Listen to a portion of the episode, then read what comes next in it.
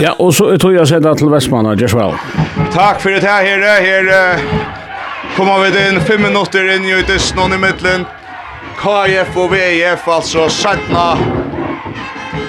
FM halvfinala i midtelen KF og VF og lortet dit vi høstkvölde så var det altså VF som vant han fyrsta distin ta 28-22 her er vi laga jant og det første løtna men Kolfringer i bryr vel derfor er så kommer 8-5 tru nu vi tar spalt og i kjøtt 6 minutter til Hans Eli Sigbjørnsson vi Gåon, gåon hoppskottet. För Filip gör sig där bara för, oh, han vill tacka sin till anledning, säger han. Det blir mot Niklas Selvik. Och jag ska bara se, här är en otrolig gåor höjder i Västmanna. Nu följer vi väl att här är ett FM som ständer upp på spel. Bäge. Teirei och Teigolo. Jag såg till att Deutsche och Sönar. Lagar vi standen i middelrum, middelrum här som är som er Steparum, tja, Vestningen VF. Alltså att för 5 tror jag här där finns det 6 minuter. In Johnson till sätta för 6 minuter. Eh Tavish kommer också jätte något tända. Ja, och till sälja högra så är jag Kolfring som gör så gott.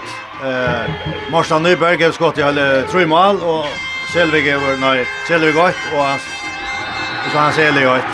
Men eh här är det förra av världsspel någon till Berlin Vi det blir att täcka öle harst och att landa så det låter domaren är Löva då så vi kanske få en en dist vi vi vi hör om världsspelen. Så det var boa bra intensitet i Guds. Det var öl intenst. Senast jag då för nu Kalla för det och nu för av Västminga kommer att goa möjliga till han synter snilt i bättre och så snuter KFR nämnda vinstra vanje till Johan Gerastov han tar sin chans öliga väl och så är ett mål av Moni att nu KFR så rönna snilta bult han ända vinner i högra vanje och så är Bajnavin två mål av Moni alltid. Först Janne Gerhard så vinstra vunche så Niklas Selvig av högra vunche tja KF svär att beina med en 6-4 till KF vid att spalt i Shea med Nutter.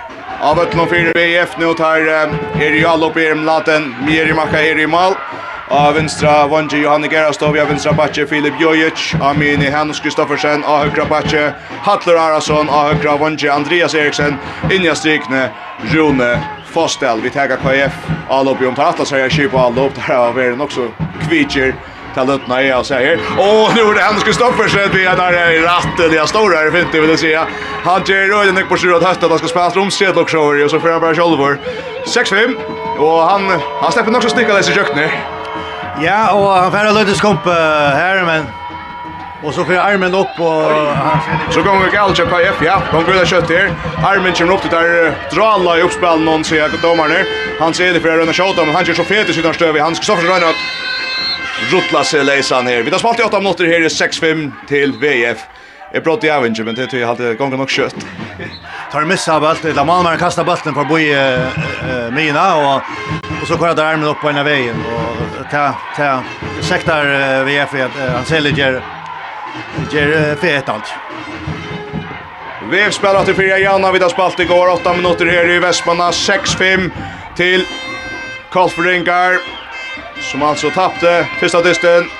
Och nu och nu är från få Patrik Bulten 2 för att lägga Ivlet kör nu tar jag det nu tar Sindre Hepp där jet inspelna strikna Bulten stack laser och tar han stack laser så är det Hans Kristoffersen där vi en pura pura laser så räcker han Ivlet han och gjort fröje väje finns Allt han snott i anledning till så säger han. Han har fått natter och kottringar fram fram i en kil på Allop.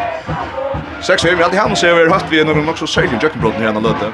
Ja, ja, han han äldrar inte så tullja. Hötte vi att spela över till vänstra back och så dribblar han och för Jacknon. Och det har helt tydligt att det har hukt efter Malmö och Kottringen och jag har sett sig för att skjuta upp och hit. uppåt. Ötskotten ligger uppåt. Kottringar Jakob Jakob Nyttal Thomsen i Malverje, så høyre vanje Niklas Selvik og høyre backe Morten Nyberg Kristensen. og min jakra nu Hans Eli Sigmundsson, og vänstra backe Frøye Veien, og for Niklas Selvik kommer fri en chans i høyre og høyre vanje. Vi talar fram av vänstra backe var Frøye Veie, så var Rune Johansen, Vonkor, han kommer vi at i Verna Cheronka, Allops og Verje utskiftningen i strikten Tony Veie, Verje mye verden sammen vi. Frøye Bro, Bro Tjejfem til KIF, gott vångskott ur högre fra Niklas och Selvig. Vi tar köttspalt igjen her 20 minutter, og her er altså tjejfem till KIF. Nu får Hattar Asla, han får brottas i jöknen, han får brottskast. Kjemra kanter mot Erda Rona i Rundeveri och så Ja, och svekta så brukar han bara sina muskler släppa fram igen och Rune inte vi hänger igenom. Ja, och jag hade det jag hade största månaden av Disney början i Disney där och Du mig där nere att Hattler över Neckmar aggressiv. Han låg isolera över till Hatt så han lä bra. Hans Kristoffer ständer broadcast brottskastan på Jalange hötte en av tvärfer och så lägger han bulten ner i på fram i mjötten ja Jakob Thomson också där. Tappa en fram i mjötten också där i vet vad Jakob i målen. Magnus Müller kommer in i varje stöve för Runa Fostel alltså Magnus Müller var ju med vet mi bergen samma vi Hans Kristoffersen. Nu 6-6 till KIF. Och i mot VF. Av vinstra backen, han ser Elia Mine. Morsen Nyberg blir ansar rättliga högt upp i vötterna. Så min är Morsten, så fri vägen ut i høyre og langa till. 8-6 till Kaje, fri vägen, näga bratt ut i högra backen, men slipper reisen nok också tatt och langa bulten upp i tattar hotne. Filip Jörg ska bara över sig fram efter in. Ja, stigen här för Ronklund Kotter, Andreas som är rakt i Ronksväckna. Jag vet inte vad domaren ser här. Alltså han, han renner sig med en koffring och Vestlinger sjón, jeg vet ikke om du sørste ikke, jeg synes ikke så vel akkurat hva hender med, utfor nærmest, jeg tar pressa sammen, tar man. Jeg synes ikke hva hender, og eh, tar færa en guldkors, altså tar stand hidjet hver nøyron, og jeg vet ikke hva han gjør guldkors fyrir, det at det var nok så egguslitt, og Andreas er, jeg synes det er åren han pleier å være, og jeg har aldri kjatt att domarna har sagt vad det hänt. Det är sant. Ja, dömas för reaktionen så har alltid Andreas Ötfern öra samfört rum att det här är, han har blivit rakt där av olja. Ja, og og ei guldkost Vi tog jeg sjøne til og Charlie om det gjør mining. Det heldur ikke, hvis det ikke å si. Og Andreas vil ganske ha et kors med en annan litt. Ja, ja, Andreas det er ikke å være så oppøster og ofta blir det ikke etter hvis det er slæ i ansiktet så sørst du ansiktet blir rett så kan du döma som det er fra det som henter, men jeg sa ikke Charlie hva hendte her. Han går ned litt, 8-6 til KF, VF er ikke mal, du er så støvende. Og KF Röjna ut och skjuter vid Trimon. Han ser det på backe och er det morsen og kvart? Der takker ferien av bulten her er frukast til KF. Frukast til KF. Der skipar sig sindra John och John är Kolfringar. Han ser det. Han kommer alla min jökner. Vladen Bjerga men här är brottskast. Han lever av vänstra backe och lever i jöknen och han vill helt näka. Brottskast av domaren. Kolfringar nu då tar smyr pratar domaren om att säga att här Vilja øyla gjerne her, da skal en utvisning till Vespningar, her bästa gott Goldkost. Andreas Nilsson kommer in och teka brottskastet. Mot Mladene, och i Vekmalnon. Andreas skorar. Och är inte så langt, men langan också kvickliga till efter att han får løy test. 96 til, 96 til KUIF. Koffringar blir bättre här. Ja, ja, Klofrik er blir jeg betur, og tar over neivar i tar avslutningen. Jakob Malnuch og Klofrik har haft flere fina bjergingar, så Klofrik er helt sikkert kommer bättre fra start, ja. 0-6 til KF, VF spiller fra Minko Månen. Tar vunn oss samt fyrsta dysten, 28-22, og nå spiller vel Filip, finner Hannes, og Hannes sneier seg i jøknen, og så kjer man utvisning. Da verer til, omkring av mye verden, og nok sitter av ganske för en utvisning för att eh, han var först. Hans Kristoffersen tar en kjemme fru i jøkkenen. Nå er tjej, eh, fra det kom på noe. Ja, og tar sier faktisk det at uh, grunnen til at Gulla Kors gjør er at tar ikke suttet til hinne enda noen her sannsynligvis være Gulla Kors, at suttet dommerne sier, men, men nå måtte Sjøn stramme opp og bare sier uh, til Jeg ser fyrene, skumpene i rytjen, og dette ser ut til å være blå en, en deilig herre, det står for i Åkken og Askvar, men bare han blir fyr, så det er funnest det. Ja, också där. Man ska då lova här spel det nej. Det ska nog komma. Ja, ja, inte inte ser skumpen här där. Här där kommer lite till till skott.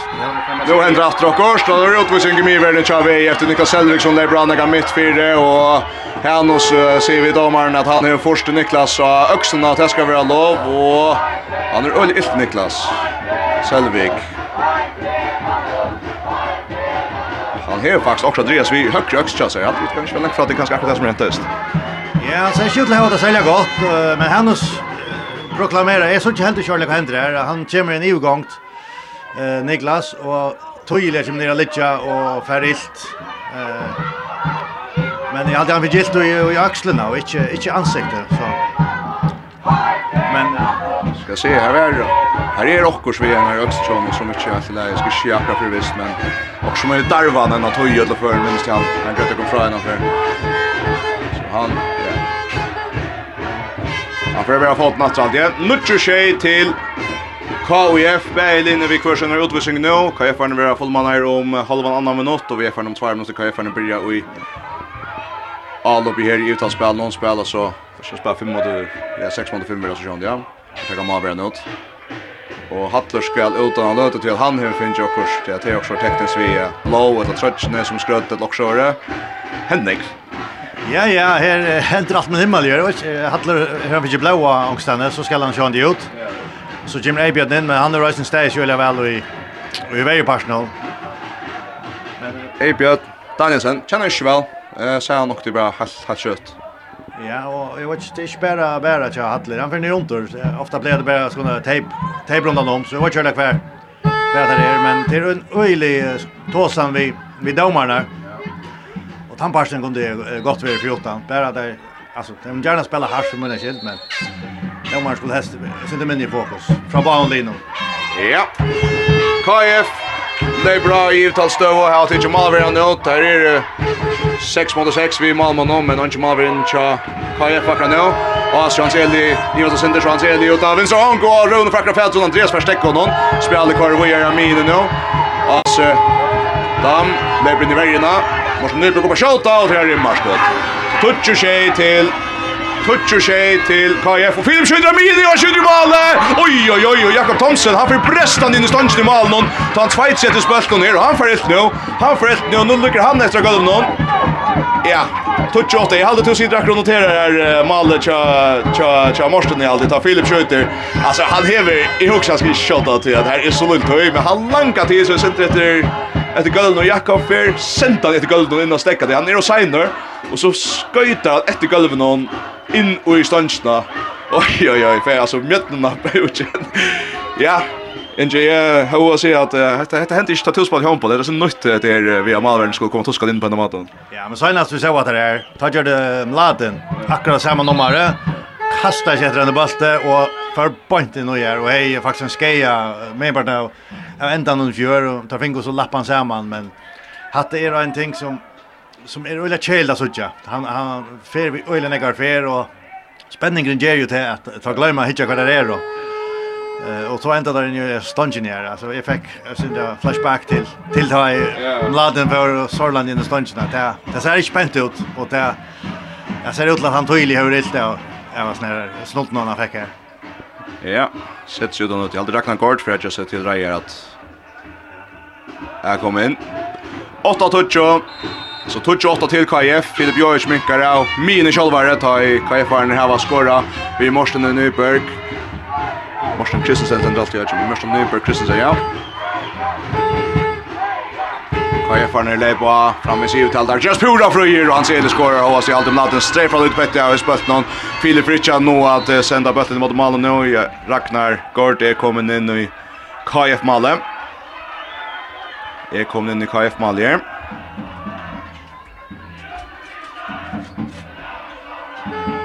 Atler Arason kom inn alltid fyrir VF og høyre bak, og så Amini Filip Jojic og stender Johanne Gerast og Ångstand i midtelen, vinstra vong og vinstra bak. Det mangler mann her i Vestningar, ikke Max Mulleren. Magnus kommer inn, så kipar han noe som spiller midt fire. Innan strik nir Christian, Christian Jensen, og så blir det en avtale ut i Abonsen. Og etter nok sånn at Han prøver sig ut vi i punch han vill köra där men så ser så pekar Kolfrigas om sig sen heter han Oscar så steder det ropar. Ja det är inte lätt att ta det här med. Ja det är sån här forskning kvar i FA. Av att man så. Nu att det alltså inte är det helt det. Phil Josh in Björn över tacklar och så är han frätör här efter spelet. Kvar vi är. 1-8 vid spalt i just där kvarter. 1-8 KF. Filip Josh uppe hänga minkar mont lätt på nutje. Ragnar går Sergio Bulten Arna Firmalen. 11 minutter vi da spalt i ett kvarter, Vespninga var fullmanna i rom, 20 sekund, tar skos kundas her kolfringar. Hva gjør der, gjør der seg, og gå stunder, er kommer mitt fire, hans Elia Lutzen av plasset, at han vil om han vinner, Rune i jøkken, Rune Johansen skårer. 12-0 til KUF, 12-0 til KUF, og så gjør Vespninga fullmanna her.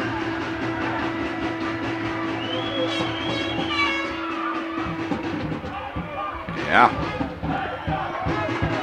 Filip lugg ut, ja tejpa sig fingrarna upp efter. Så först för sen så ganska shit där först så jag får om något men Filip Bopa Henke här jag klassiskt hoppskott det kan man ska mer som Westninger. Ja ja alltså hvis vi ska uh, komma väl vi så är det nödvändigt till att att börja ha Filip ut i uh, vanliga form då men vi så jag inte att Hallor är aggressivare och han så kommer väl vi så för för vi är för ta ta maten att komma längre på. VF Liberator, Hans Kristoffersen, Krossal Filip, Filip släpper till skott här, vi tacklar Nanko upp i Hattler, kommer vi hjälpa till Hans Kristoffersen här, Lusen på sig, tror om sig om att Johan Gerstov, han är jökten, och ett välskår och välspalt, Hans Kristoffersen, ölja fin här, Faknar fjölten ner vi en arm, spel häktes sig att om och så Johan och pura fröjer, och så spelar Kolfringar väl lägga bult om han vinsar av Grune Johansson, Gerda Leot, och så i 13-touche, Morsen Nyberg, Björn av och högra backen, så lägger han bulten, ölja kvast, helt i vänstra vång, Och så spelar väl en stigna västningar och en rivtrack. Här är rivtrack till Madde Magnusson. Gång till sin öliga kött här. Filip Jojic mitt fyra på Henka. Så släpper han bötter väl in till Magnus Müller. Men han är tracken om. Se där. 13 toucher till KIF. KIF kan lägga sig åtta vid fyra mål och ner. Jakob Thomsen. Jakob Thomsensen innatter och i KIF. Mali, i halte i mot Sands så halte jag alla på KFC här Nick bättre ut än Tajir Sands. Ja, och man ser en annan öjlig störmån är att Mladen över eh, Onka Bjärging haft en halvtid. Och senast var han, han lockade simpelthen ner. Ta mat till hvis du ska komma längt. Han ser lille Breyer och Chimsen så där vill fria vägen, han vill tackla vår och blocka fyra om Mladen där i bulten, om Mladen där i bulten. Så får vi Västbänka fram eller Filip Jörs för bult fram på Henka och så vill han tackla och då. Kostbringar sig han just rysning fet. Det är Oregon näka vill säga 13 touch 13 touch till KF vi spelat för mycket månader runt fasta gymna kommer in och strikna för Marcus Müller. Tar bara skifta i Alof Juverjo. 13 touch till VF Hans Kristoffersen. Skipa spelare ropar ut mot högre så kommer Andreas Eriksen ska lägga trusta mitt fyra för att bulten må göra. Jag gör ner om man är vänster så det bulten mot högre att det kommer Hattler fel på Henka, hänka och Hanos. Hanos efter mot høyre så innan stegna runt och var jag varit färdson. Det känns så snära så läsa. 13 11. Han minkar månen till 13 11. Rune Fostel i Male. Så for vi Kevin. Finner ikke han vill lägga och så ut som bulten best, niga få han. Ända vi hamnat en fær bulten till till Tony fær, sli bulten mot Malen om Laden Bjerga Latja. Så for Hattler Kevin. Finner Johan Johans Ølja spukst i jöknen. Bra fram vi fram vi. Ända vi hoppas inte skriva vägen ut i mot backlinjen så ska han justerar sig i luften och langar till han fer fram i 13-11. Gilti Mulla tja tja VF att mycket. Ja, nu Berlin gör faktiskt fel här. Kolfringar tacka Sinte borta stå och tar kontor av kort. Alltså det ser ut att tar VF skiftar ut med det var ju alla upp och tävla Kolfringar straffa. Men det rör om att Arena körs fram men inte tacka onödiga chanser. Här är Mladen alltså förstärker. Och vi är på det nu vi hinner ändan och finns ju detta bättre. Det var ju till tror jag mot två men Det kan snu bort en chans här. Krossa. Kan jag få ut av utav vänstra vång. Baldur Gittasson och Jökna skjuter om fyra. Här räcker om och nå i vi och ser på att du stackar ut vid FR-bulten. VFR-en fram fram för att minka ner ett man av månen. Filip Björns underskott. Jakob Thomsen i lista. Fär emot långra hotten nere vi. nere vi sin vinstra fot. Fänga bulten och väl. 13-11. 13-11 till KIF. Och vi är från Jörsjötta alltså. Ja, og skiljer Tamara Tyrone har ikke vel ofte at hann ikke spiller av vansjen. Han har veldig godt takk av Mladen, og jeg var ikke av Mladen da man vel at at Gittler skjuter heldur enn Rune. Rune har veldig nekve Nej går vi inte sönder skott och tar Rickard har han öliga dröjer har vi gör. Men då skiftar han ut att han skorar två mål. Det är Hans Eli skjuter om Ladenbjerg att nu Ladenbjerg hoppskott från Hans Eli och så kör han längre fram mot Andreas Eriksson för Akra Fältron någon så kör han Jöknen och skorar väl. Andreas Eriksson minkar om månen till 13-12. Vi skjuter lopp i här han fänger bulten helt ner i högra. Per Fältron och Nölje Häckensle och så sätter han bulten väl ner i här till 13-12 till KF. Så de laddar komma sin igång där stället. Ja, och hatta var åter ett skott så han ser som han inte ska täcka. Alltså han är pressad över och han skjuter ut sina favoritsöje som är långra. Långra upp och ta hem laden ständer där. Och så är Andreas Öjle skjut in ända. Problemet är så täck såna såna halva chanser. Ja, men så är det Line så mycket klarare det att det är drön hinna ända där straffa Boynar så det är då ser Atlantistan. Nikolaj Blisnov er inne i allåpen nå til David Edvardsen Eisen tar skiftet sin ut i allåpen og Kolfring Eisen han strykner. Hørte Siktarsson vi etter. Han får få ballen ned og han skårer vel. Hørte Siktarsson som jeg alltid sier skapt han gjør det comeback i vikene. Oj, Andreas Eriksen, nu bryter han i köknen och därför kostar han utvisning till fria väje. Andreas Eriksen, som man är vänner av hur säger, kött och mina och så ligger han in ändan någon. Fyrstan, trettan till KF och nu är det VFN som fäcknas till att Så jag fru i väg för en utvisning allt då var det frys veckan. Jag tar man var under tjonen mycket för skriva. Första 13. Är det ska alla? Ja ja, jag tar glömt en utvisning. Så tar för alla sex innatter. Margrin Vaje, hon sitter som observatör och ser att det är då. Oj, Kolfring alltså. Kolfringar uh, tackar sig utvisningarna. Där fick han utvisning och, och började så jag Morten Nyberg. Det var bara det körde finns där vi och så får han in och nu så får han en utvisning av trätt. GT visst är Ja, jag har inte snackat här, men det var långt jag var så vi kände finns utvisning. Det fick jag ju för att det är som Andreas körde här. Och Morsland ser det väl och han... jag hade han ser det. Han var en samfra domaren om att han skulle ha stäckat höjn i ett lockshår och ett la och... Så jag fattar inte körde. Jag har alltid kört där han och säker i eller hur? Hvis det er en utvisning, så skal han ut. Alltså så en fall. Det är också en ja. Och hvis tøyene inte litt, lite altså, alltså du måste ut. Det är så att säga. Det är inte diskussion, det er alltid det er där å si. Men altså, det er ikke noe sagt, det er helt tydligt. Där får alltså alltså en utvisning att sätta. Där får en utvisning att sätta. Eh så vet jag inte om bättre väntras, nej. Jo jo, tar eh Kolfringar gör en feil og tar missar där bollen att Så detta Ja, ja, det var minutter eller fyra minutter til å få, og jeg det har ikke tøyme, men at, at det er en som at, hvis dømerne har gjort en feil, så kan det ikke rett og slett gjøre han ved, at ikke gjøre han, at han nummer 2. Marti Hunner, tås önek vi Julian Jansen, Kajpenja, men jag vill säga att det är en som man ska lalla lite, hon har haft en läkland till HM och haft nekvar stora kanoner efter sig på andra matarna. Ja, men hon har som så han inte vid dömningsna gärna, hon ska bara sitta för att ta ett av de har dömt ut, så ska ta nästa ut och, och bollen ska vänta. Det är det som hon ska lägga som eh få få kila. Det är nog det där skulle då finna nu. Så måste vi dag för akkurat det som ska låta så framvis. Och diskussion här. Jag tror för när det blir 14 13 till KF Västmingar Minka syndromonen och så hade jag äsnat att Västmingar har funnit gifta möjliga nu till att att eh att jag går det för att man dösta nu utan nästa 2 minuter här kan jag för alltså runt tar 2 månader. Och nu får jag alltså fram Westningar till att uh, ta ner bulten ner som Ingesne grädde fra. Ja, god möjlighet Det jag kan ska vara syndrattan för här där första 20 minuterna nu går möjlighet att jag ska Alltså Kolfringa börjar och distan är allmäntliga aggressivt på i varje och all upp. Men det lukkar som en sindre färg av dem nu och tar fejlen när jag gjørst, så sist en tro all opp har varit rymliga grover. Alltså där har vi inte haft tål. Och här som föräldrar gör här är, är Hattiberg Kjortan. Och det här vet att de får bli vad Och Julian kan argumentera allt möjligt, men, men är en utvisning. Och, och det här är hur han han sa väl lösning på hänt här. Andreas är ju tacklad så han han kunde göra sin fält vi. Så jag var ju körlig för att eh jag argumentation när det gång ut på. Framvis så spelar jag spel men nu får det vara allt igen. Eh Ola Jakob Olsen kommer in eh Ola Jakob Gord Olsen där då. Kommer in av högra vång. Att vara såna högra backe. Han ska stå på sjön mitt fyra av vänstra backe Filip Björk av vänstra vänster Johan Gerstov i den striker runt fastall. Vi värnar check offering ner på fyra mans. Nu spelar Västbringa vid 6 månader. Från striken går från vänster finns alla med jöknen och så braggar Jakob till brottskast till brottskast. Han snäjer sig jöknen och så ser jag att det är att håller vi last här efter. Filip Sean det ser det pura rätt och Niklas Hellsing nej det pura skaft men uh, Westmengren uh, fär brottskast kan ska försöka för att tagga. Vi startar med fyra mans uh, mål som håller på. Men han ska vara öjlig helt ur han täcker i armen honom och där är väl inte säkert där. Det han ska försöka ner också fräckt lägger han bara fram i åttonde att han liksom led som han hötter lägger han fram i till första första han Ja, du menar det kunde jag så vara att han nästa första och trycker i världen. Ja, det borta vara det. Han tar tydlig i armlån och han är för en jöck nu så tar jag sekta sekta det här här.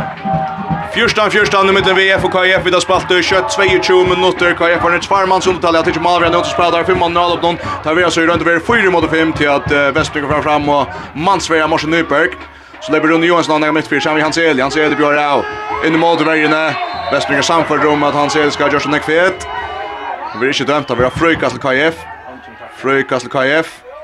Morsen Nyberg ut til venstre til Hans Eli. Hans Eli inn i måte. Så innan strikna. Vestnyga fengar bulten. Vestnyga fengar bulten og får han så kastar fram etter i Tom Toma Malmon. Han finner så dykst i målet til Filip Jovic av Eknon. Av Eknar i brottskastlinje. Og Magnus Müller, han er faktisk fremst i bojedes bulten. Han er nesten hoat. Han stjeler han av bulten han fyrir målet, men han omstemmer seg typ bättre. Ja, eller just stor minutter för KF, men en riktig utvisning går tvär och sen och så i rattan för 15 första attan över 8 Atlan. Disten. Nu lägger då åter Kolfring Garda få sin första man att nå, sin annan om lukta löto så spelar man sig på inte här. Vi är för en backa i natt i värna. Han ser det bra bättre nummer läser och kan träffa frugat KF, frigast KF. Frygas KF och så tar Julian Johansson time out och där skiljer väl. Ja, eh uh, Kolfringar miste sin momentum. Allt det där håller man sig som är förstand vid döming och alltså rätt heliga som färre. Eh uh, och nu spelar där vi full speed och i halvtid att uh, Kolfringar har mist öliga negativ momentum där kom vi att begynna vi och och tar sig inte nej inte någon neighbor så som det var förra. Här måste Nyberg eh uh, skjuta första tre målen Och tar väl öliga nejver så när sagt nå men uh, nu har det varit rättligt onejver om laden har haft uh, nog så lätt vi att uh, Jamal var trätt då så vi uh, kan man säga Josh har allt det att göra Josh några foiler i mittlanda spoiler shooting och så vidare. Vi tar alla gamla som tar er skriva er här och tar er där som du vill ut. Johanne Gerstov har två mål runt fastal 8, Andreas Eriksson 3, Hans Kristoffersen har varit 4 och Filip Joyce 3, Hattar Arason 8. Uh, Andreas Nilsson hever 8 for KF, Fri Vei hever 8, Hans Eli Sigurdsson 8, og for sånn Niklas Helvig Trøy, Morsten Nyberg, Pyra hadde stand der, og Rune Johansen 2. 15-14 til VUIF og i måte KUIF her og i Sætno Etla, må man sier Ta nästa av Simon Möveliga. Ta över som Kai Ero. Ero FM halvfinalen. Tack för du i studion. F Ero FM halvfinalen. Vi möter Kai FF VF och Kai FF från Gärna nu till Fröje Vej. Vi hoppskott mitt fyra. Vi är lite sönder Arkaur. Per skott där ställa korsen och så skorar han till 15 15. 27 mot Farner. Filip Jojic och om man släpper sig från man släpper hektiskt jag var men så sport inte bara på stöd för fest. VF har ni kipas igen och Vestminga kipas igen och 15 15 i mitten KF och VF vid har spalt ut 23 halva minutt. VF vann den första halvfinaldisten. Det snurr som av vinna tvär. Det vill säga att vinner VF här idag så är det här i FN-finalen. Vinner KF så skulle Lien hittas ena för en och ta värre i Mivik. Ni halde det mig kväll. Men vi är för nästa sträd. Jöda Leo tar spela väl. Nu finner Rune Fostal innan strik. Han vänder sig väl och han skår 16-15. 16-15 till VF Rune Fostal. David Edvarsen är bra ut i högre så kämpar 13 minuter i högre. Och Naden Bjergar, Naden Bjergar. Blaten Bjarkar, Niklas Söderqvist för Jökna högra vånchen och Blaten ner Macka Bjarkar, Hans Kristoffersson för bollen framåt. Filip Björk stänger mitt fyra. Och måste bara läsa det Gerald Steen skorar. Han skorar och så centrarna facknar ut till Fjälta så ständer och hoppar här. Golo med i Västman har utrådar höll. 16-15 och ja, nu blir det att vi berättar här vetlig som uh, vi kanske håller bra lärt att känna senast. Annars är det inte så näkt till akkurat det flöjer ju gör. Nej, men men skiljer själva Kolfringa börjar så öliga väl och dampen är färden tämligen näck va och nu fick det åter en chans ut i högra vånche. Men tar det så öliga pressa till skott. Nu där bara Kolfringa David Edvardsen vi är ute högra backplatsen det krossar ut det bättre om över läser David från åter David bra mitt fyra in och strikna på ett igen vi för hans elfringa ner i att då och det händer frukas i smart där. Frukas i smart där. Ja, blösen där. Jeg vet ikke krosskja da om hun jøkken her. Da flyter kjører ikke golfringen. Nei, da flyter slett ikke. David Edvardsen kom inn, og i mån til Marsan Nyberg, som er en, en maver som har vektene og styrkene, som er legger et øyelig trusj da. Så har David, uh, David Edvardsen ikke, ikke til. Han klarer ikke å legge det samme trusjen. Og, og Selvig er øyne, han er øyelig presset over ute til det skåten som han kom til. Nu kommer Marsan Nyberg, altså eist innattør. Niklas Selvig kommer en egen mittfyrir fra han är mittfyrir mittfyrer spelar av vänstra back og Lans lands Elis och Mina fria veie Ronald Ruttas leisa Nå så tveida det bøtt i borster VF er bøtten atter Seja 15 til VF VF er bøtten bollen bøtten atter Kolfringar spelar nu till inkast. Vi är förbält natter. Hattar här som det är bra. Jag har upp någon av er kröster näka. Frukast. Orda när vi har kommit till mödlagan här. Ivas har synte kvar. Vi lägger ner i allt det. Sejan 15 till V och i F. Och Filip Jojic av vänstra backe. Bojer sin till Rune Fostal 20 minuter så spelar han bultarna i händerna han Hannes Kristoffersen. Han pratar på höger han pratar på vänster och så pratar han sig då Alibi gång.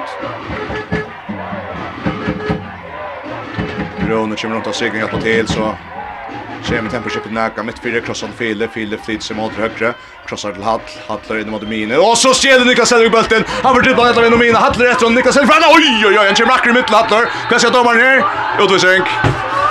Utvisning. Jeg sa han ikke kom her, Inge, hva sier vi ut? men altså, Hattler skal jeg lete en sånn, hvis du ikke er tydelig fremme for en sånn fria mann, skal jeg lete han fære. Ja. Hatt er for, uh, jeg var i det Hattler dama vel jakstra inntil det leiot, men hatt er børet og hatt er nok så farlig spil, som er damer er ualmyndelig vel at jeg bare takserer det till att det är. Så ja, man får han komma alltså. Han är ju tunga med hatta. Han kommer toskande tvärs över öllen och bakt i Kravia Selvik.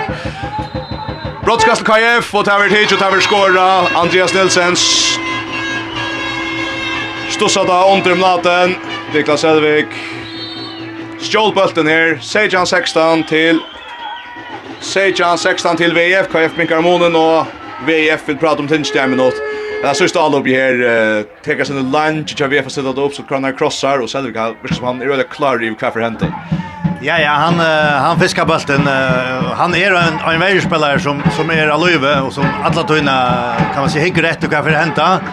Och det är en av hans station. Han kan alltid bättre backor och vonkor. Där han så täcker vonkor så är han klar att, att, att fiska bulten som kommer fram med oss att backa. Uh, och tar dotter han öliga väl där. Sejan 16 til VF, VF hever til Kjart Like bra, og to som tynnes jam nåt, vi høyra lukka kvar hjelpbrokkene at sida fra Øtlund til halvfinal i håndbolten som hever her i FM1 i kvöld. Frasegnenar er stoleier av ervetøkne, sjolverskande løsner til øtl endamal. Og Køtlund Harfrukan, einasta grunn av Harfrukan er stov i fyrjum. av FM1 er sender i samstarve vi Faro Agency og Vestpak. Og i drotteren av FM8 er sender samstarve vi må vi. Ja, ja, passer. Vi dyrer i Vestmannen og utdratter høytler VF 8 Sejan 16 og i Aero FM halvfinalen i måte KF. Det kan gjøres den seneste at jeg vil si om VF er nere vinna, så her var her spalt i FM-finalen her. Vinner KF, så skal alt er gjøres. Og i midvikene som kommer, tar i linje hittast atter. Og i for Andreas Eriksen, da kommer Jagnes Buxner i høyre av Vondtjo. Han holder opp, han hekter seg om han for Jakob i KF-mannen. Vel et mål, og for Andreas Eriksen av høyre av Vondtjo, han lopper bulten i nete. Og Adjan, 16 til VF, 18-16 til VF. Malrykker för i grøsne. Ja, ja, jeg har haft en så fornemmelse av att väljarna har varit hamplig, men jag är säker på att Maltalna så hör hon absolut inte värre. Eh, inte, inte tvärga av värjan. Kaj för en spall, spel. Nu, nej, den tvättar bänt i fänsja Andreas Eriksen. Han får alltså upp efter så på inte lägga läckvarna så fräda framåt. Här var han Lydskjold och smullar inte allt. Här är Röjla samförd om att han ska inte han. Aj, aj, aj. Eh, där spelar nog så simpelt. Allt att han loppar bulten av vinstra vång och Andreas Eriksen, ikke hakste mann og synger på hendene opp og fremme lekvann. Ja, tar spela, det er et nytt EU-system som ikke har sett før, som det kort og signast. Og her der er om å presse alt ut til høyre, og så spelar han lenge en bøtt i år, og Andreas Narst vet han som er på en toaren. Jeg tar borde vite at han er klar på at lenge bøtten kommer. Men för han Kristoffer sen få Sindra Plosse, Rönstein sig i och han touchar sig in i omgången av land och så Fär KF bälte så fäller fram med KF nu då högra vång. Niklas Selvik i jukten han skorar ja väl. Lugg till sammanpress med Selvik och Natten. Selvik hon gröda lunch läkt in i måltagen. Tar Halsas Lugg och ser alltid Jordan Tuvin vujande. Och Jan Sejan till VF. KF har nu ser att VF har nu och signar bulten i spel. Men just VF är nästan fullman här. Och Jan Sejan till VF. 2 minutter etter för att hålla ikke her i RO FM halvfinalen i midten VF och KF. Hans Kristoffersen er bra mitt fire. Røy natt och dribblar sig til Lockors. Här för ett frukast. Koffringa vill leverera via att han kör fyra fet. Jag vet inte, hva säger du inte? Nej, alltså han, han ger det ju eller sånt. Han, han ligger av gränsen, men, men det är det som med tror i fyra skritt. Eh, tar kunde gått här gröna sin mål här, men vi står blå via gränsen om det samma. Så jag domaren ofta den nästa seger. Inte blå vi. Alltså, låt oss döma. Ajan Sejan till VVF där spelar för att Ötjo Monen här alltså Ajan Sejan till VVF vi där var 1 minut och Shea och fjärde sekunder efter förra halvleken. Kolfringa var ju åtta för det mesta i förra halvleken. VFarna tidigt men han så att han stöv jag kan ju erfarna fink och det kan hon ut och singar. Upp i slam. Nu lever vi för nu. Hattar Hansson högra backe. Han ska stoppa mitt fyra. Filip Björk stäcker i vänster. Och på hänga. Where Hanus. Så Hattar högra backe. Röna sluta sig läsa. Röna ruttar sig läsa runt över och vi tacklar och Rune Jonsson säger han tacklar en själv ut där. Att han kanske borde bara låta bara kors vidare. Vi är förne på Jonathan. Hanus mitt fyra. Fer mot vänster, Claesson Filip. Filip på hänga, skjuter Jakob Bjergar. Jakob Thomsen ur Lise Skåti och så färra Kolfringar fram efter. Morsten Nyberg dribblar fram och mina. Finner Runa Johansson mittfältet. Där får sig Örla lagt ett trösta här i Banta där kommer mot ner och värjan kör Westman går här finner fotas här. Det där kväll, där pratar Agnar Johansson ropar ut den av värjan att här. Och som ikke er helt samtidig enn for henne. Kolfringar får lagt aktivitet, tar leip på, tar heva 45 sekunder etter, ja, fyrre holder ikke, tar 18 for vi er noen, og Adjan Sejan til VF. Vi narska slett noen. Hans Eli Sigmundsson, det er bra for kjøkkenen, og så skjuter han korset, han vil krøster, ja, han vil brottskast. Ja, den helt han fryer, og så er han fri i korsene. Og så er det her. Andreas, han er ute og prater, og sier, nei, han står ikke, skal jo med igjen, og... Han står utanför måltagen och allt det där. Men det är alltså brottskast och Andreas Nilsson för att täcka. Tog en gång framvis. Det är 20 sekunder efter just nu. Brottskast i stig av Andreas Nilsson täcker nu. Omlaten bjägar Andreas från Attor och skorar. Han fängas lägnar i torr och oss. Jaunar til Achan Achan. Vestningar här touches skon efter för hålla ett jag gott vi. 5 sekunder nu Filip fra vänstra backen och det har inte tråk emot i Morstene. Och där blir det säkert också tydliga av Morstene Nyberg som bojar efter att eh, Filip ska komma emot sig här. Och vi går bara köra högt i år. Nå, inte Achan Achan håller till en färg och en god rover i sig hötten. Ja, tog bättre så är Kolfringar har just en fangrobo, eller kan man kalla det, och det var Westman Grisen just. Så det är öliga gav romor och här negv, negv intensitet i distan. Och här är nästan alla spelare i och hälsar på domarna när det fäller och fortälja sina versioner av som helst är en rej och en god version. Men, men det heter en fin då. Eh, Angelen finge skeja ut i spelen som är som är nog så harst och ja ja. Eh, Kolfringa fick en, en bättre ända än, än Västmingar nu på 17 lag. Finge en bättre börja med med Västmingar hade en kan man säga mer än det som var bättre så nu har jag något annat än mål eh så vi tar gott. Upp. Ja, pura pura upp. Ja, det snurrar sig alltså om att det kommer i FN-finalen här. Heina Fjärs ständer hinner med en tar vunnit öliga samförande södra halvfinaler i måte till en klax och Jörgen. Det är omgående spännande. Jag tog in det lorsa av vi tog frasökning så får vi ta som Sindra Örvis om handboll som helt vill jag säga. Vi har ötlar nät här kan allt höras an hett och nice för matchen med få tråk om FO så framvis. Eh, tja kvinnan här har vi Lars finalisterna att känna till er Nasten som alltså vann samförande syra Kindle och så i måte Heina Fjärs som ja, i vet tvär det strax kan ses att vunnit samförna skötten skjuta. Kom så en lutsen tropplagar. Mot ända någon i Jostland som vänjer Herbank till lucka vi tog för resten inte. Det spats ju i FM finalen. Här för att veta om Kostfringar etla Vespningar. Vinna VF i det så ut här i FM finalen. Vinner KF så blir det en distrat om finalplats i mitten VF och KF. Vi tar en stäck här sen då gör någon Ajan Ajan. Väl återkommen till senaste håll hålllägen av åtta hendan dagen og esta kvölde. Her lagar janta i Vestmanna Teir og Atjan og Atjan i mittlen V og F og KF. KF byrjar vi bøtten her setten og ikkje. Og i Ero FM halvfinalene. Det er altså så jeg vinner KF i dag. Så blir det en tri og Atjan og Distri mittlen linjevei. Vinner VF så er det Teir. Så er det Vestmanningar og i finalen og sjálvare. Oj, oj, oj, hva hender her? Kvira fyrsta, så kommer Morsen Nyberg, och han blir distans som ett hållöje. Så är det väl vi, han får upp och så långt langt skott upp i langra hotne, att att han fyrir om natten vi makka. Så är KF och 8, 9, 18. I hinnen dan Atlar Hattar Arasen og snegar seg i jøkkenen. Så her han hoa liksom detta då sista petti och missar bulten mot mål någon och tar vara frukast. Och VF är og i Alope. Hans Kristoffersen, Kipa Spjall, Natumir Makka er i mål. Av vänstra vånge Hanne Gerastor, av vinstra backe Filip Björk, högra backe Hatlar Arason och högra vånge Andreas Eriksson innan strikning runt postan. Filip Björk på hänga här och skjuter om fyra. Han skjuter om fyra. Han kommer till att, ja, hur ska jag klassiskt hoppa skott av vinstra backe, men han skjuter när går man fyra. Koffringar blir bäst i fyra hållet, ja, och vår en två mål åtta, en goa löt gör en ganska sälja en löt av Nekon utvisning och kostar också dorst och VFaren kommer från omater.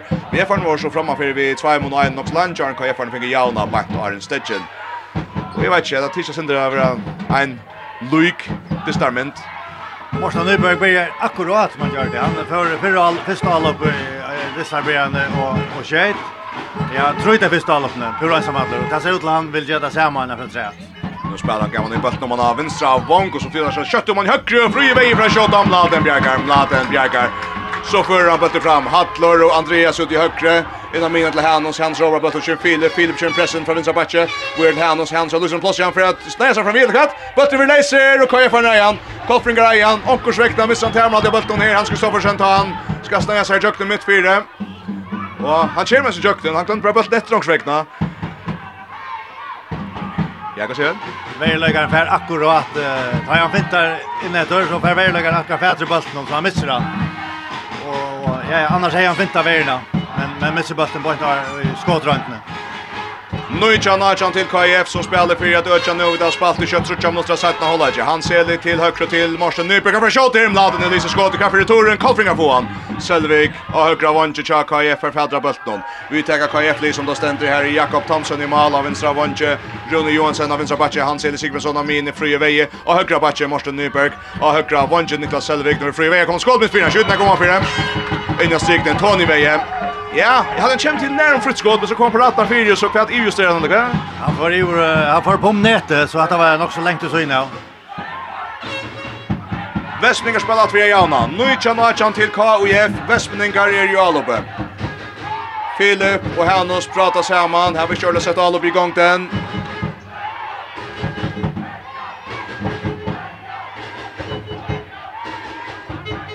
Och nu Filip Björk. Kort farfingar loft det är också att där kör det samt runt för att det blir kors där alltid så kämda en shot på den runda posten. Olja stärker väntar sig här men han är nog snäckt från mål någonstans blir bra frukast. Filip Björk från vänstra backen på Henka och där fram vi och Kasi Filip ser vill ha hotta kast men domaren säger nej tar vi målkast. Målkast. Hetta Alloberg. Här kommer här kom absolut inte på sjön. Nej, och Filip är ensam att lura dribblar in och och ska lägga det själv och vill ha ett land här. Men eh tar vi ändå till att att spela bulten. Alltså Kolfringar är neck neck för störst i världen till att du kan ordna då ensam att vi att dribbla in och finta och så skjuta. Nikolaj Plisnov kommer in i alloppe av vänstra backe. Höje russiske bakgrunden tja Kolfringon. Här går ner näge vänstra. Så har min ner Morten Nyberg, så har min Nikolaj Atter, Nikolaj Ferry mot i Krossa på den stigna på den laser vi farner. Få ikke tar om frikast. Tar Tavira frikast. Frikast til KUF, Nychan Achan til KUF. Så det var da Morten Nyberg Vi taklet alle vi om han vinstre, og så slipper han bøtten om han etter, og her vil Rune Johansson også vel helt en alje. Han færer frikast, i bøtten, og hun har ut linkast. Och det är så spänt över som ett kända förskallan här. Jag ska sitta bakt i sönder här som allt händer att lägga kommer skötan just framis. Och med så man ser inte, det blir blås inte kan blås inte aggressivt distress nu. Ja ja, här ständer näck på spel och och Jag syns det här kommer leva alla tøyna, och och vi kommer söka intensitet jag alla håller Det är helt pura visru. Det här det som säger att det finns då 35 minuter eller så alltså 5 minutter farna sætna hålla ikke KF og 8 vi er noen 19 18 tar det på at her. Hans Eli Sibjøsson og han røyner og slutter sig jøkken av takling og Filip Bjørts blir med sin fyrt her taklingsna og så er at det prat vi domaren og Filip sier nei og Kolfrika sier jo og det er brottskast. Så er det her og Verda Andreas Nilsen som kynner seg teka han eh, kikser mot om natene Men fick så sin egna hår och skora, ja. Hakton säger att man bränner så är fjärra kvörs till Ötloför, mellan tre och fjärde kvart om natten. Han skorar Andreas Nilsen. 20 Adjan. 20 Adjan till KIF, Andreas Nilsen i brottskastet. Vespninger undertalje och tar manklästen Filip Jojic i Alopnon. Och i värda Magnus Müller som kommer in och i Alopen. Spelar mest och i Värjö. Spelar mest i Värjö. Men Filip börjar komma upp fyra mål nu vid att spalt i 35 minuter. Han är Tjej mål långt i fyra hållet i senast och värjer över pura flickvande och första via Jeffrey Kajev. Nu har Sinter mini häppen i dag. Att Hatlas han från skott här och det rymmar skott från Hatli här sina. Och så för alla kött och mina koffringar. Man var nära kom in men Niklas Sandberg skott och Matte Björker. Färre torren Tony Veje färre i brottskast. Eller vad? Det är frukast. Och det tidigt. Och säljer vilka fröjer. Och nåt dig jag vill måla kors. Jag har snart det vart chef från bulten väl. Jag har sagt med och kör att det kör att du ser vad händer här. Det är så mycket jag täckne täckne chat av man och det ska ske det var sån dömen som jag sa. Det tror alla pekar jag. Ja, broadcast. Så jag så skiljer väl att det har förstått gjort det. Så täcka där frukastet ut och att där finns det och vi vi vi måste komma plats och sen det blir jag knörsen. Laten Munterbjerga, bøtter fyrir Mali Korsne. 21-19 til KF. Niklas Selvik har røkt fyrir KF. Magnus Müller fyrir sjóta og Jakob Thomsen i lyser skåte purasta. Fyrir fyrir aðra bøtten. Laten nær kommer inn natten nå. Og Kolfrika fyrir fram fyrir Øtjebet Trøymal. Tar er i Ivemann og i 25 sekund. Så kanskje helst ja, Vestmingar er i undermann her och i 20 skott att sätt. Alltså damen kom in så gör det rätt ända vi har spelat helt ut i högre och så här var där allt fallet ut i högre så då är hans Elin sina plats mitt fyra och han vill dömt för fet. Han vill dömt för fet. Västninga får bollen. Västninga får bollen. Ja, det var en jas ner Serlia i uttalsspel någon som jag ser. Det är inte där också så väl att det är riktigt skönt alltid. Nej, här fann han kört det här kvar han får spela han Serlia och så Ivastan och Och så istället för att spela bollen vi är så ger han fyra fet. Ända vi sånt där öl ensam hade mitt fyra. Ser någon spela till nästa. Nej, han han tar inte så väl illkost att att han vet vad det gör hvis motståndaren klarar täcka då. Nu är det bara Westminger efter där. Framvik för Nörns så Filip Björk där bra när med fyra tacklar det så tacklar frukast. Frukast till VOF spelar vi två mot Strikon och det kan Andreas Eriksson framstår sin gång. Hannes Kristoffersen oppe Henka. vi är till Hattarason, och så vi röjligt. røst. Leikar der dette om kottlen mitt fyrre, og her frukas till VF. Och her ska nog torskast av gulvet noen kan jord, tror att at det er det Det är ta kross og hatlo, problemet är att han ska få hoppskott, så litt kjent suttje mann som gulvet fra fyra så släpper man köra och spela liv. Nej, nej. Här är aterstand pojkar. Jag jeg om døm handa og døm hiv, men alltså, att han detta bara och så skulle dömaren stäcka och så det inte blev farligt. Eller lever alt for nekve fyrir, ja. Kom nesten gjørs av hoppskutt og VF för att ta fruka stater. Her er 21, 19 til KIF. vid har spalt i kjøtt 8 minutter av sättna holdager. Og i Aero FM halvfinalen i mitten KIF og VOF. Vinner VF så er det FM-finalen. Vinner KIF så skulle Linn hittas ena för en i midvikne. Filip Björk av vänstra backe, Björk Sundra backar efter efter till Hans Kristoffersen. Han är bra mittfält nu över tacklar Sundra högt efter det Peter så kan koppar här efter. Westman rötle rötla för då det Sanford Roma där ska Kolfinger ut och man ser nej Kolfinger hur Sanford Roma där ska han inte helt där. VF Jallo Bjatter, Hanos, Hötta Sinter, Krossar Filip, Filip ska pressen själv nu, Rönsa från Visen, första mannen och så innan strikerna. av... Ja, och så stäcker spelet upp att det frukast till VF, frukast till VF, Filip gör sig bult någon. Oj oj oj. Och så lyfter bult så lyfter Rune Kostal. Bulten till Filip. Han Ska nästan skjuta på en av vägen utan ska han se för skjuta. Rymmar skott. Han synker bulten i nätet. Gråtars Jakob Thomsen. Halt han ser att han är oj och Filip han kommer ju fötrat. Han länder ett lall eller va? Ja, jag vill plunge. Fibs plunge sitter inte. Ja, och så ska jag Så om jag ska inte ta enkla stöver för sån ek men ta kan jag vart det kan jag inte för det så här halvnan om Philip Björk för för en filmstrunge. Ja, så nu har det spalt vi Filip i allt år. Jag vet att han hejar en liten skeja och i Arne Disney där. Men det var pura vanligt hoppskott han kom ner att dra inne och och här är en en toilet alltså jag att en fiber ett lätt landa. Vi hällde ett lätt lätt skeja man hejar hällde man fick mycket där. Ja, han liksom Fera vart vi ölla stå en gånger själv och Christian Pöter kommer till till Jotbar. Så vi VF utan Filip Björksen och löjt att han har han hej Lost fyra i någon ölja Croston. VF har loppet via någon rymmarskott så man ut har sett han löjt vi måste bara boja vidare kvatt hur hur det ständer till till honom Vestmeningar sandar sig i varje stöv KF har ni alloppet Her, Morsen Nyberg, krossar til Hans Eli, Hans Eli kommer lekt ut mot høyre, fra Sjota, bant i fengt om Nadne, Nadne kastar fram etter mot Andreas Eriksson. Andreas Eriksson her plås han av inn, han fyrir mot vinstre, Magnus Müller, pura placer, skorar, Janagor, 1-2-1-2, 1-2-1-2, Magnus Müller, kommer fremst der, og i Sjota låp noen, det er spalt Sjota låp best. Ja, och det som ofta händer tar en skai kommer skott är en öliga god spelare till att Fjoltor ofta kommer att han ligger som som uh, i Kolfringar här så för någon. Eh, till nu är han bästa spelaren vi har fått till den bästa alla bärna gossar. Eh, så det spelar så jag går sätta för Averska Berlin faktiskt. Ein og tju, ein og tju, vi er for Jan aftur, først vi rymmer Bjarging fram latene som sender bøtter fram, og kjødda låp og tæva vel så for Niklas Selvika spasser av min i KF. Bjørn Anna gammit fyrir, Rønner Krossen og fria veie, men Uh, Kers på Sancho Sjur har vært frikast til KF. Hørtur Siktarsson er kommet inn etter av strikene. Hørtur som gjør comeback her. Alistair Tony veie stundona Alpstrikne. Det skifter spennende ut, Koffer. Det skifter nok som plass aldri.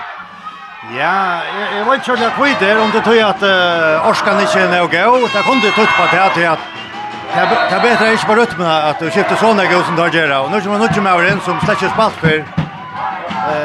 Så et eller annet sted så skulle du finne, og det er en rytmen vi har noen spiller, at det er sånn døgnet. Morsen Nyberg er den nye spiller, helt ut av vinsterbakken Nikla Dysten, så blir det nækka fri vei og midt fire, så Morsen innom, så kommer det et høy løpskott. Han ställer bara runt med meter och så skjuter han ju Harsman över andra med stöcker bulten ner i golvet och bulten stryker fram i mladen. Vi pratar alltså när pressa in mot Mini Hans sen och på Andrew Trop. Har vi dömt för Trop kan fick få bulten 22-1 till KF. Först Morsen Nyberg vi snällt om skott och så Hans sen som för bulten och tråka sig bulten och KF värna. 22-1 till KIF. KIF är ner. Och jag lovar åter. 11 minutter farna sättna hålla ikke her i Aero FM halvfinalen. Ejen jag syndrod jag bunch lunch av i Filip Jojic. Ich har gränsen just drar kombinator och spårningen är. Och så ringt att de hade velat att han ska in och fick. Oj. Frans Farmans ut nå? Ja, det er väl hade tester og nå får jeg bare rundt och fastställ och hörte sikta såna vart någon. Och Taylor Sean det pura oss att vi kallar Frank Myren så Ronny han hade skjutit sig okej. Jag jeg har så vært rymliga rymliga samtidigt med att höra då Bayer är det bara det och och ja ja det är ju fair nog så får det kanske alltså inte är det inte inte bara det när Det är inte en friare lidest det här. 22 21 här. Vi fittar ut sen gång och man ser inte chansen att här i för får helt där. 22 21 till KF. KF för så spel utan spel. Det tar tagga ju så i Malmö och så spelar vi sex man i all upp nu mot 5. Very like around. Så steppar åter upp här i högra så han ser det mine så två högra backar och så rör han in och sina inte får fäder bult och vi ner och så ut mot högra Andreas Eriksson för fram för att han framåt ger han Janne Gras och väntar ensam åter i mål där någon tja KF och han omgår mål via för och så sätter han bulten i målet 22 22 11 och en halv minut i herren Og jeg hadde vi for når du har vel å løse fire stekkes nye utavspillene til KF. Jag borde haft ett alternativ i uttal. Och då spelar vi alla högra vång, knäckas buks, men där var inte Niklas Selvig. Flyr himmel, löft in i maltegn, och så langar bulten ner i långa hotnet. 22-22 till KF, Niklas Selvig i Fralikon vångskottet. Niklas Selvig i Fralikon vångskottet. 12 minutter, farna setten håller ikke bæl inn, vi er nøy utvisning, da finner der, og i som støvå, strikspillerne ba med en, hørter Tjakajev og Rune Tjavejev, vår vissra vøtlem, Nu är det av Efarne som spelar ut och spelar så i Malberg och spelar läkt om han högre Andreas Eriksson helt plats och han skjuter nega väl om han fyra. Han skjuter nega väl om han fyra. 3-22-22. Annars blir det också kvasser i det aldrig. Ja, och han tar här mest jag så helt tydligt att han för bäver så inne och på och så längt upp på mig. 3-22-22. 3-22-22 till KIF, KIF er røyna at øtja at nå, tar spela så sitt uttalt spel, som er hoa fulla som syndra, men nu kan ta så øtna men han letja seg 2 mål 8. Morsen Nyberg lever inn mot Mina for å henga, skjuter, blokker 4 hotnakast. Hotnakast til KIF, Kolfringar får bulten 23-22 til KIF, vidar spalt i 13 minutter av holder hållet Marsen Nyberg. Udde mot av vanje. og bollen är läser. Oj, Andreas Eriksson først Stjolja någon kväckna.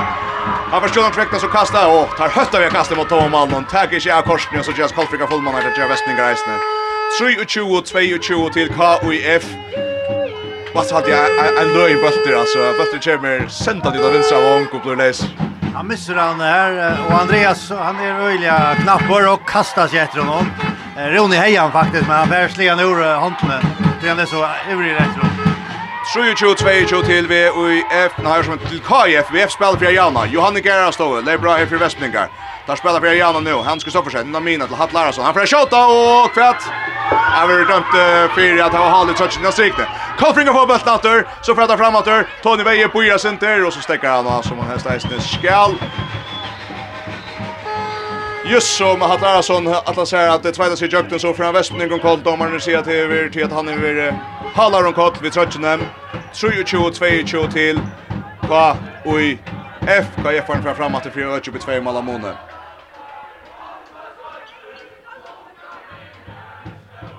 Reje Murren som hever finnes her. Plass i hotten her i utrede høttene. Ja, vi ser sen mycket sange fram. God stämning här och häst med hoppen alltså. Ett gott. Manna här som döjer sina likare. FM Høyrer av Olvara nå. Vi er ju er Holfnanen. Niklas Blist, han fra skjått her, fire kvalfringar, han fra skåra.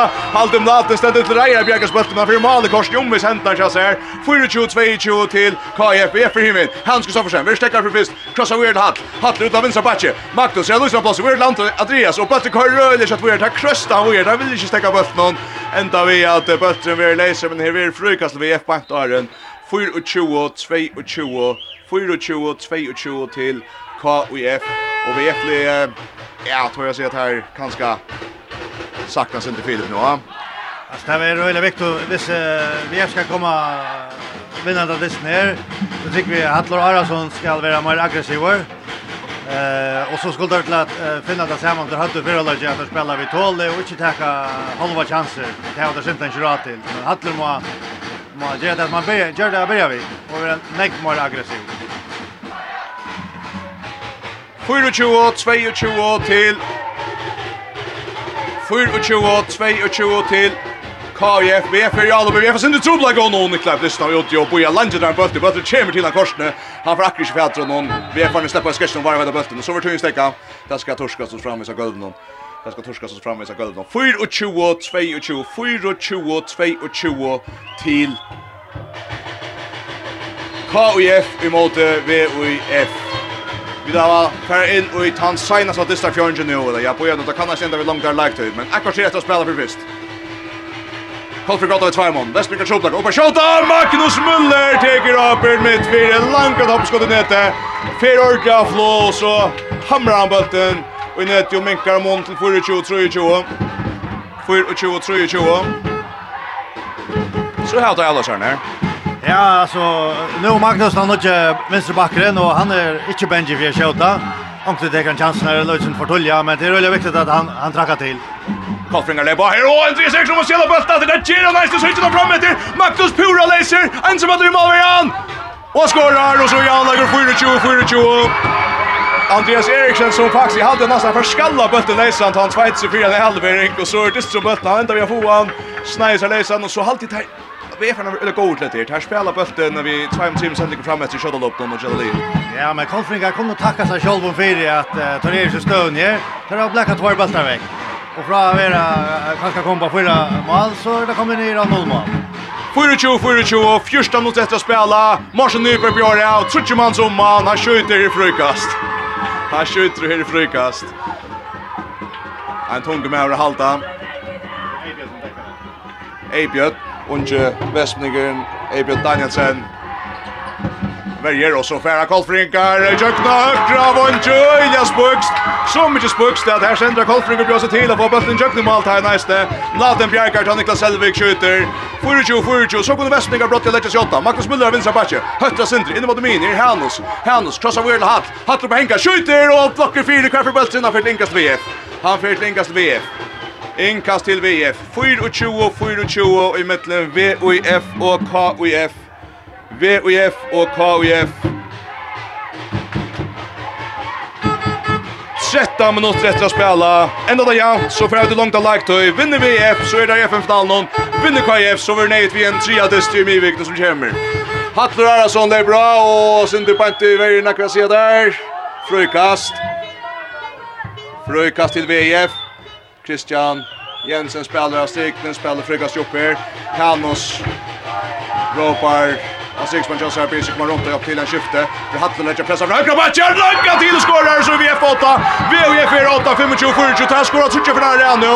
Rymmar hoppskott från Hattel sinne och så skulle Kolfringar nu att det är bäst att det distan. Tre väje. Hötter. och måste vara till och till. Vi skrattar ner. Vi är till Selvik om rymmar Bjarke från Natene. Bulten läser. Västningar på han. Västningar på han. nu har det gott att nu har det väl att Västningar kunde börja känna att det är rocksväckna det som hänt i Kotlafyr till att nu får Lappberg så Bjarke ser chansen. Ja, nu är uh, Selvik har uh, oallmäntliga trycker att Linus Gatne bortsett från Jajna som har pressat över. Och nu har han bränt två ett senast då. Och till annars vet höra tryckas station till Blackwoodland.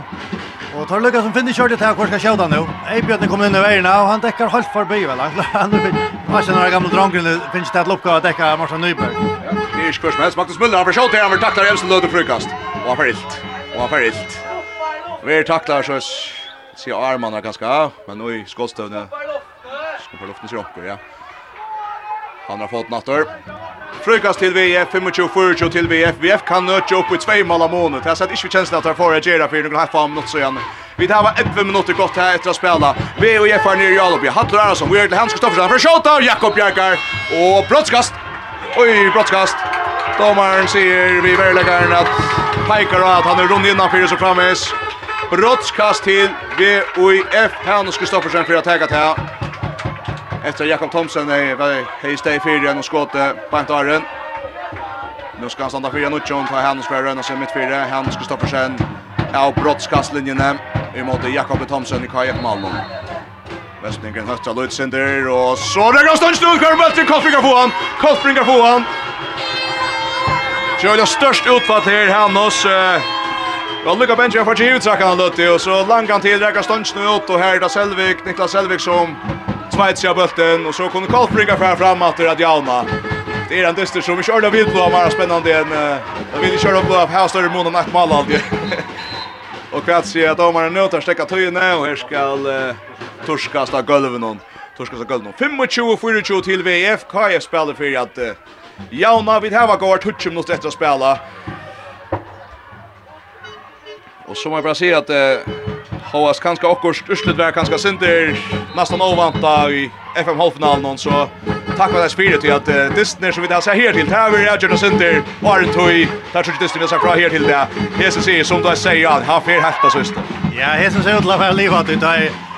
Kolbringar gör sina filer som Gina Westnigar har inte gör sina filer och nu gör det åter en som där får bjärga men men det lukar som Berlin och Leute löt ner till kvätt Hur så får vi det öppna där i vägen när är så mycket bättre nu vi då för 25 mål och det var Alltså nu alltså hålla ju nu så vägen är att det är men alla öppna Bäi alla öppna finner kör det här att att Lyska vägen ska kunna nu så det är man leva.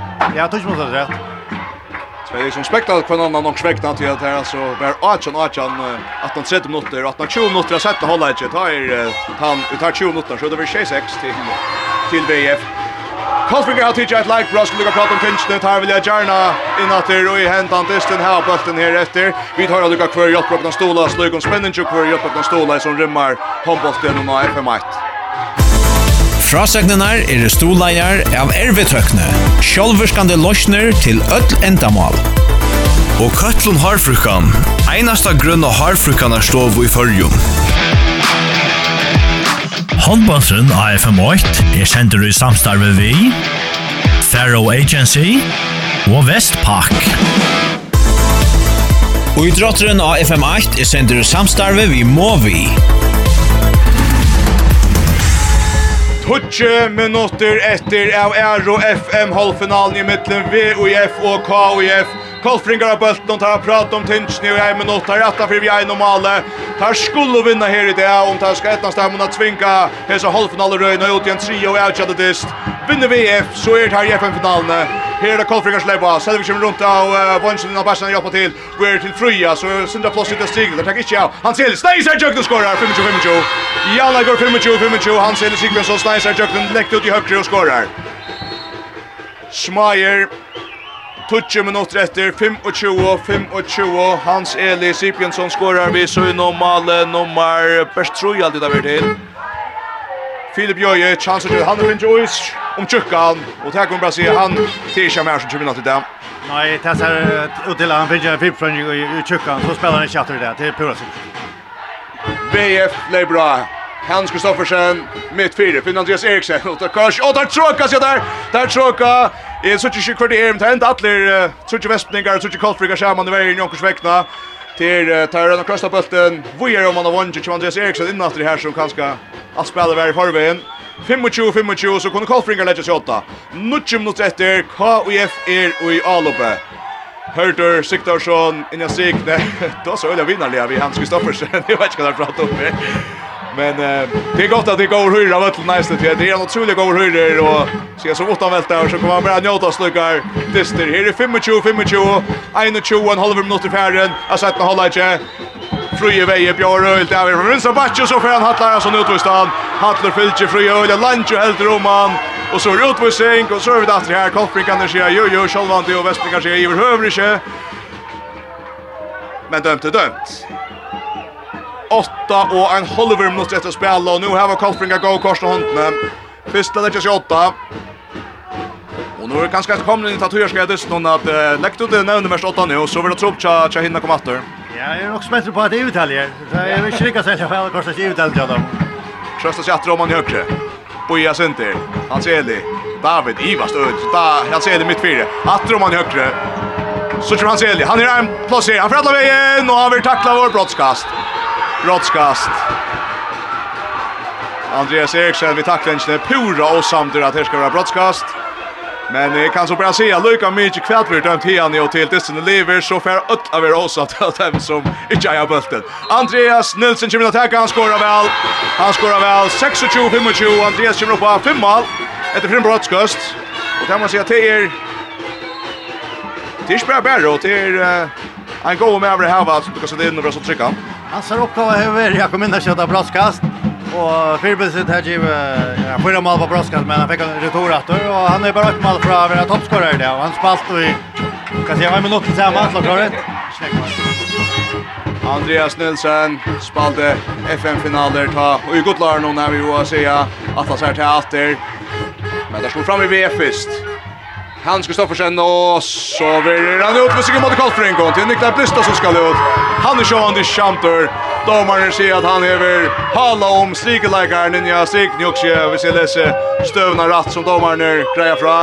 Och så är Berlin i en färja vart någon eller Berlin vi är någon man men igen.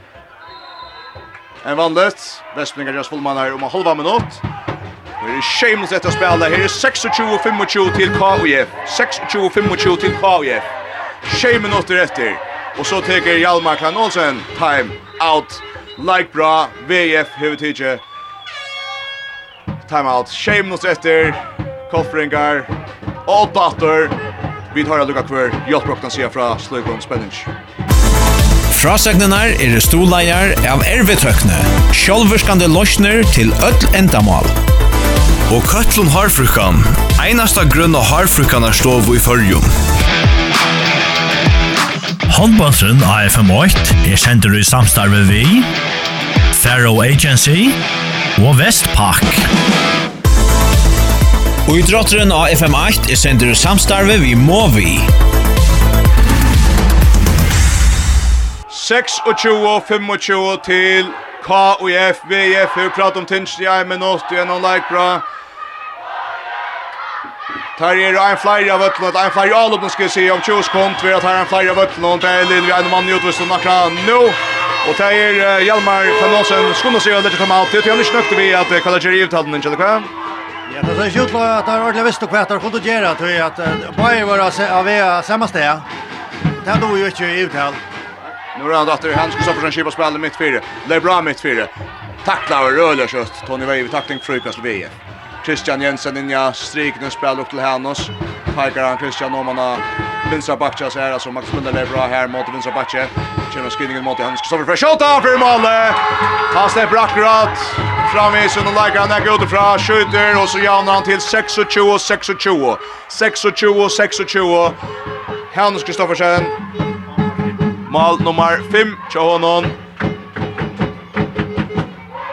Einer 6 minutter etter at spelet av som Liston 26 26 Kolfringar og i avloppet her hava Malvera nødt gjennom Løtto Under tal i en minutt av bors. Nu för han kjøtt om natten Nellis skåd i i toren. Og det dyster om han. Vestninga får han. Vestninga får han. Det er ånden som inne. Der, han ikke kommet inn enn. Men der spakas sig nye Vestningar. Og det er etter nega som vi hadde tæra kanskje avtala. Vi kastet ikke. Nei, altså, det är öjliga Kjoltan. Nu er Filip Rikka vel sånn å kaste länk. Men det er også nok så spennende. Nu er Hattler vi ute i tvei halvor. Eh, det er körde Rikka Kjoltan, så skal han lycka å få seg friska luft. Og det Rikka faktisk funnet vi Ja, okej, okay, det ryckas ju olja fint vi hattli här. Han är finner friska luft. Så kommer den björ av.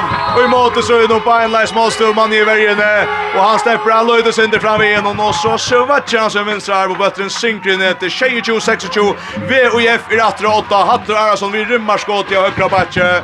22-26 till VF. Vi har 5 minuter att spela. Vi har 5 minuter efter att spela.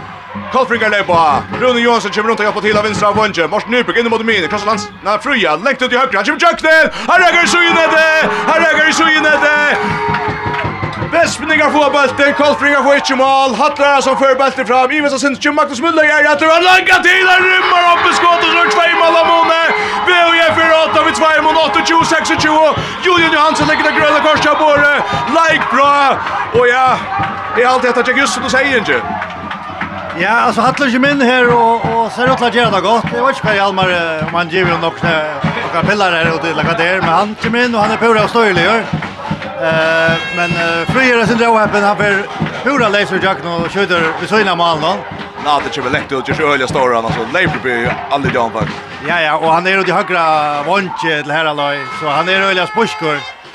Eh, och tar här var kanske inte nej vad tålet. Det är 5 minuter rätt och så är som Dustin och Ginche så Så är fem minuter halt förbi i lunchen så där är rummet här hade kallt. Nu är Västmegar så kan man säga att här firmorna tar här vad säger vi har abantna och och Karlfringar skulda skulda sig inte. Så slishar sig där näkva fallar tror jag.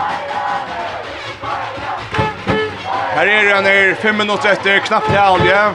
Går 4 minuter efter för att söka på en vägen ta tog in för igång dator. 28-26 till Shame on ja. Kajfaren er faren og spela vi Sheimon og Njalop noen. Først for David har sett her, det hadde han størst, Rikka nok så vel sett Heimon. Vi langt og løt og nu i år, med landa han dit Rikka i vel, kottar fyrir problemet bra med natten, Bjerga vil han ikke få en chans til eisene. Nu lever det først i høyre, han ser i mitt fire, David Edvarsen og Morsen Nybrygg av høyre batje, selv vi kastet i høyre hånden i her. Fri vei, han her er Lusten Blåskast, her er Atlavien, og så Rikka Støtje Blåskast, her er Blåskast, her er Blåskast, her er Blåskast. Vespningar og samtidig, sjølvande. Kolfringar tar Samter, tar brottskast. Men där spelas det så pura flytt i kökten. Ja, ja. Hakten säger att Maten teker bant under trea først. Bant ut trea först brottskast. Han teker kjettar. Andreas Nilsen, Sickersman över Atlantisten. Ja, ett överskott lite lite i hejan han rakt i hamnat men fick bollen åter og setter bøtten ner i här efter. Han skorar så sitt satta mål till 28-22. Minkar Måne vi er någon. 28-22. Kolbrika Minkar Måne. Vi tar fyra mot å spela. 28-22 till VUF VF i Albe. Magnus Müller i vaktar åtta. Filip Bjørs för nu til skia. Filip Bjørs är ju spalt spalt i, ja, nästan andre sätten håller. Vi ska säga något att det står Björns och så Magnus Müller till Givi vid kanske en tvåmån. Rymmar upp i skottet. Hattar alltså högra basta samma. Hans Gustafsson är bra. Och Benga över tacklar vår. Fjärde bulten här frukast. Frukast till VOF. Och kvärt så ska tøyen stäckas. Det ska torskas av gulven också. Sambart klokken så har vi 30 minutter og 28 sekunder etter å spela. Vi er ferdig vi. Gå om korsen og hånden tar fremme for vi er innom der heva bulten. Vær det jævla i går, så skulle vi være en av løtet sett. Minst for nær tvær for nær fem minutter. Vi er ferdig det bare. Hans Kristoffersen. Høtter, hvor er det Andreas Bøtte Sundeleiser? Hans atter, en som har dødt i høyre på i et feltje. Lägger han lengt etter av øtlen, så Andreas är bra, näka midt fire. crossar over Magnus Magnus, om han har vinstra vanker, han gräser frackar för hällan, han vill ut i spötten. Han slipper han hackt om han har backlinna, Johan touchar jätten, men bötten er akkurat för ute. Domarsen Batsunar och inte Iva, så från Kafrika fram Janna Mars Nyberg för att han vinner om vänster våg här Hans Eli, vi kommer kökten så kommer av Västningar och Saint och får tackla Anseli brottskast till KIF där spelar för Janna, och tar vi Andreas Nilsson som kommer in och röjnat här tar vi Andreas Nilsson så ska jag se om det blir ett större checkar i gång till omdömensna Och till Haver så slugga mycket Haver resten av dessen. Trutsch mot rätter. Andreas Nilsen vi brottskast i alla angat in ett. Jo här är 28-28 KF över Jauna. KF över Jauna. Färre än trutchen minuter efter. Och vi är för Jalupe. Och i halte Västmingar här tar man ut ett rejst om det skulle bli törre bra tog. Det här var där Hjalmar sen resten vi tog och i hånden. Kaja færne fram, færne fram igjen og hua for Mattberg her der Skugga Hatlar altså, da faktisk kan Bursner spille noen. Magnus Müller det er bra her, nega mitt fyrir Hans Kristoffersen. Høtter om han stemmer kjøkken Dotter sin høyre, broadcast. Broadcast. Han byrjar lekt ut av vinstra bak, kjem rattla vi noen høyre bak. Vi farter ut etter, skjøytet tvers i malet, her er broadcast. Jakob Thomsen vill ha tunna stäcka där värn inte vi får ha två minuter att spela nu till Hans Kristoffersen och Ticheta broadcast här. Här 28 28 Hans Kristoffersen vid broadcast mot Jakob Thomsen i KIF Malmö. Hans från VF skjuter. Han skorar! Han skorar! Nuttje 28 till VF. VF är rast råtta. Västmeningar är rast råtta. Kolfringar fram fram. 2 minuter efter nu. 2 minuter efter nu. Hans Eli, när går till högre. Kröström mot högre. Kolfringar har inte tidigt sin Malberg utåt. Där spelar 6 mot 6. Marsen Nyberg kommer fer. Skjuter blaten över det skottet och han ofta bulten mest som bära. Han är nästan har skottet fettler så hever han flott sig om han vill syna vinsten i. Och lycka i här tar skottet kommer. 28-20. Lisen. Ja, ja, og det som jeg kjenner en gammal mamma till at, at han teker tar bulten som han skall. Ladd nu inte det veldig vel for å att men nå tar det... Tar det ska lära sig att göra Norda Vestninga kunde göra något lite läger här i Jalop någon här är bäst gå med något rätt där framme för Bjärn och skorar där nu och så över tungt jag kallar för en gång. Jan lägger för det stund i långt där läkt minst det här. Hans Kristoffersen, Robert Magnus Müller, att Romse, så Magnus i mittfyr, högt mot höger. Bollen är läser Kolfringa får bollen. Kolfringa får bollen. Ein minut rätt just nu. Nucci 28 till VOF. KF är av bollen. Så ser det där kända mannen. Taver David. Kolfringar leipa, holdt trus sekund etter. Hetta er en avgjørende løta. Hetta er Suna Johansen har kommet fire, ta i Vestningar spalt i opp. Nu fredar fram. Nægge i høyre, David, inn i målet, han tidsittan, kända mannen här.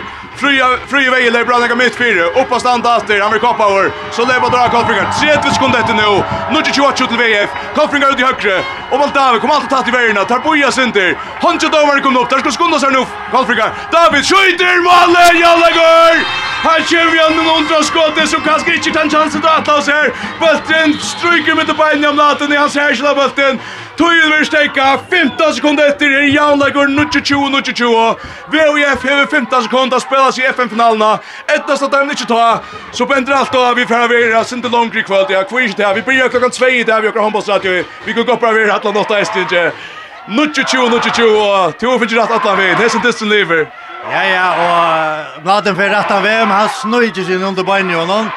Og David hever steg i sin støvn og fløyvna fyrr, og det krevs at det er onker som tårer. Det ser ut til at Nekver er tår du kjørt at takka chansen, og at det kommer mot 6 at de er ikke kjærlig vel faktisk. Men nu har Vestmikar så 15 sekunder prøva, men jeg gidder etter fyrr og i eget tøy. Nuccio Chuo, Nuccio Chuo, Vestmikar utan Filip Jojic. Her har spalt seg Vestmikar Vespningar åttan Filip Björk har spatt sig en goa stöv gammal nöjt här. Stövan kunde vara bättre men att undra för att David Edvardsen snukte sig fram i natten som annars steg fram i väl så hans lötna. Nutchu chu nutchu chu. Nu sätta igång till gångt efter. Vespningar har just 15 sekund. 15 sekund. Att Edge att det nu. Gia där inte här så bänder allt då. Att Så bender allt då. Är vi ferdig langt av till, men vi såg nästan han i med høstkvöldet var det. ta i koffrikar munte ferdig atlan vägen och, och jauna ta i vefaren kun kjørsa livet i sunnenta. Så det skulle det eisgjans efter. 15 sekund efter. BOF byrjar alle kjøsar nu, tar nästan inte också om att också som drar dral, sånn ekko så framvis. Och då så att du kjørst okkurs pura, pura som är kör mot dem all någon. Nu lever dra här västningar. Av vinstra backen Magnus Müller, Amin, han ska stå för sina vinstra vange, han kan. Magnus är uppe alltid mitt fyra, höstra syndrin och stigna Christian Jensen! Vänder sig, han driver sak! Han driver sak! Han får bält i mål, men driver sak och så färar vi till långt av Lajktøy! Så färar vi till långt av Lajktøy! Där krossar bulten in til strikespelaren Christian Jensen. Unge strikespelaren for händra bulten. Och ni också känner hejeblåsa på för händra bulten. Og så väntar seg lankar bulten i nete. Domar sier at han stender innanfyr det. 0-20, 0-20. Våre som drama. Åh. Hatta för att iras jobb med för när att millimetern är svårt av hon. Det var då 3 sekunder efter inspelade strikna och han ständer innanför. Han är oallmäntliga pressar som du säger. Han får slunkt han inn i målet, men uh, dommeren stender øyne var plasseret og dømer i utrakk, og så Hesen Distrin lever enn, og i den grad, så het her kommer 20 minutter at rett vi, vi allmyntelig drama. Ja, vi satt fra en brottskaskapping i FN-finalen og i fjørt, ja, det er veldig minnelig, ja. Kan hente. Absolutt, her er ungen som ordentlig vil gjøre seg, og Ja, ungen har ordentligt funnit här uh, lærke verden ikke kunne kan höra upp och och til det så vidt vi det var vi så ikke först och två eller det där förra halvlek där såg vi att verden var faktiskt inte vanliga men det var ordentligt slit till nu och började linjen lite efter efter lærke verden opp, upp där det simpelthen ikke det. där. Jag ser är nog så imponerad över ABF att ta komma sån och komma i så stöna till att är hur hur ser nu har Kolfringa eh det syns som han tar Philip Joyce spel som det sista kvarteret. Ja, men Magnus eh, kom in och han har skott i halvt tror tre mål sen han kom in. Så han har simpelthen bara tagit av. Eh Magnus är en ölig aurad spelare. Där har chansen så så skjuter han. Och det är så dåligt nämnt att vidare det. Eh han är inte alla alibi spelare som som man kan ganska är som som inte spelar här när vi all upp nu. Kommer in. Jag sen så ut att någon rätt med förskär men Magnus han blev förmästare vid KF i mot VF i när minneligare finalen ja, han tar sedan det sista skottet som är en brottskast. Eh så där. Ja ja, där men det han alltså. Han har sagt det samma på det här för Hitler. Ja, det kan kanske ända vi tror. Vi får så tja. Jag har för en fjärde långt att like till och vi kommer att stäffa fast att som säger vi tar vi kommer så klockan 2 ut där här av FM8. Frasegnenar er stuleier av ervetøkne, sjálvurskande løsner til öll endamal og Køtlun Harfrukan, einasta grunna Harfrukanar stov i fyrjum. Håndbåndsen AFM8 er sender i samstarve vi, Faro Agency og Vestpak. Og idrotteren AFM8 er sender i samstarve vi Movi. Så er vi datter og utrettet i Vestmanna, og vi færre under ein og trusjens tjonda minutten og kvarja løt og 22-22 stendra malt halvene Dyster skulle avgjørast VF heie er mulig og i evst løte ta i klokkan sier nutj holdtrusj, 8 holdtrusj Ta fikk Christian Jensen bulten i strikning og fikk ankorsvekta og hans øyelig krøster, fikk sett bulten i nete men han heier trakka innanfyrre, og så i jaunleikor, og VUF leiper av, VUF leiper av, Här för att börja vi mlata ner mål så vet av Vinsa Vanji Hanne Gär så av Vinsa Batche Magnus Müller. Alltså Anje Filip Jörg han fick en skia med ska så i sätt när hålla inte Korsten Monto vi är förn spalt till Sigurs Amin Hans Kristoffersen och högra Batche Hattlarsson och högra Vanji Andreas Eriksen. Och strikner Rune Fostel Tar det på her mot Kolfringen on. Frøye vei og Tony vei vei mye vei Johannes Kristoffersen Rønne kom inn her Rønne krøsta bøtten til Jonas Stignet dette stikke.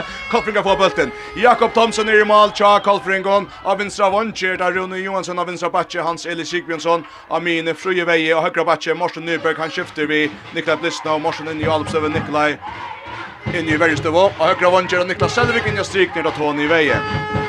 0-20-0-20. Vi spelar tvär tvärfyrna 5 Vi är på vi bulten här i fyra halv vi alltid. höj. Misset näst. Vi en inspelning av Sikna. Nu kan KF lägga sig åtta till längst. Här har vi åtta. Morsten Nyberg vill fria vägen för att tjata. Och Sportsröjs på tjur över hotna kastet. KF. Blockan är fyra Jimmy Werner till Magnus. Och ser Magnus och Hannes som har finnit hänt där fyra. Vi är här samman vi Hatta som hørte det og Rona Postala som vinner det. Det blir fri vei alle på han mitt fyra han må finna seg plass og så letter han ballen under borster og er dyster ballen Morsen Nyberg ändrar honom. Lägger om han högra bak og högra vång och Niklas i jögden Niklas Selvig skorar och KF för 8. KF48 30-20 til er pura kiksa crosser til Kolfringon som er sleppt opp i loft. Bulten er leiser, og så fyrer han Vestmen Vestmninger tveitende bulten, og Morsen Nyberg er fyster. Så hikker han opp og spiller om han høyre vong, og her Nika Selvik, han er ikke fryer, men så dribbler han seg fri han midt fire, og skorar til 30-20. 30-20. Jan Brian. Ja, det blir jeg synder, som uh, hinne halvleggen her blir jeg, er vi Morsten er veldig aggressiver, Eh så heter det akkurat samma som Maren och jag var simpelt på Nico Westmaker efter det som Boston. För Magnus Müller pressar fram vänstra Bajo bulten detta med som i målen här Brukstad för det flyga så ärnta maten och hästen vera. Tomar Schir Orsaga jävla att det är ingen vanta i världen vanta här spelar för ett mål och där Jakob Thomsen miste fotofest just han skulle lofta och allt.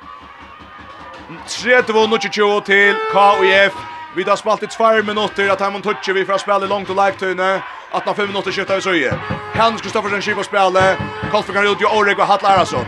Så er det Magnus Müller oppe. Henga! Blokker fire! Jakob Edda Bøtten. Kaja Ballen. Kaja Farne fer fram. Kaja Farne fer fram. Kaja Farne flytta seg fram etter Bøttenon. Stekka synder og tagga der rollet. Tøyen er så mykje knøpp nu. Oi, Hesson så långt i like och då känns det ofta öliga tungt om uh, annan lige kommer två mål att rom så också det öliga avgörande all vid här.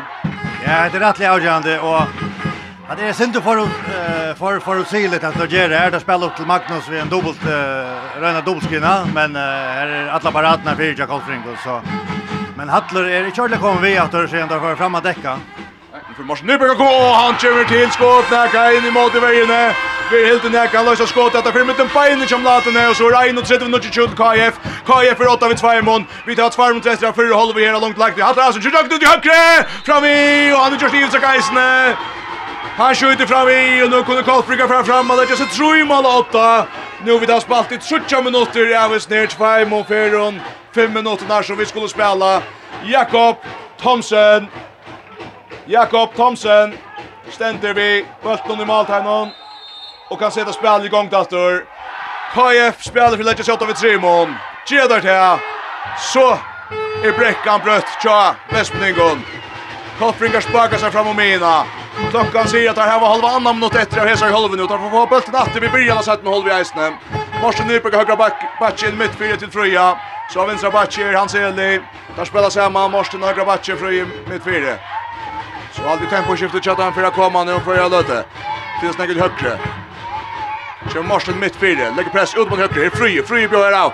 Innan stigna, Tony Ventser, om han högre vank, Niklas Selvig i jakten, och över kant över. Brottskast, du kan se domaren ner. Utvisning till Rona Fostel. Utvisning till Runa Fostel. Vi tar en avvisam blindvinkel här, tar hitta ner i högra hatten, det har vi åt för hon och är alltid det att Niklas Selvig är pura fri i jakten, brottas den västningen fyra någon. Så Men nu kan Andreas Nilsen, en av dagsens mannen tja KF. Han har skruvat sex mål på sex brottskast. En efter omvet, han rakt i amlaten men fick bulten på ett atri fänke. Han ska röjna att skora mot omlatene. Så kommer det tre mål åtta. Andreas Nilsen i mot omlatene och i BF-mannen. Og skjuter fra vi! Her skjuter fra vi! VOF lever enn i distan. Her skulle Gjerna skåra nu. Der har vi 1 minutt etter. Jeg ser 4 i halvene. Her er under til i 2 minutter. KF för att få bulten åter. Ta sidan halva börjar.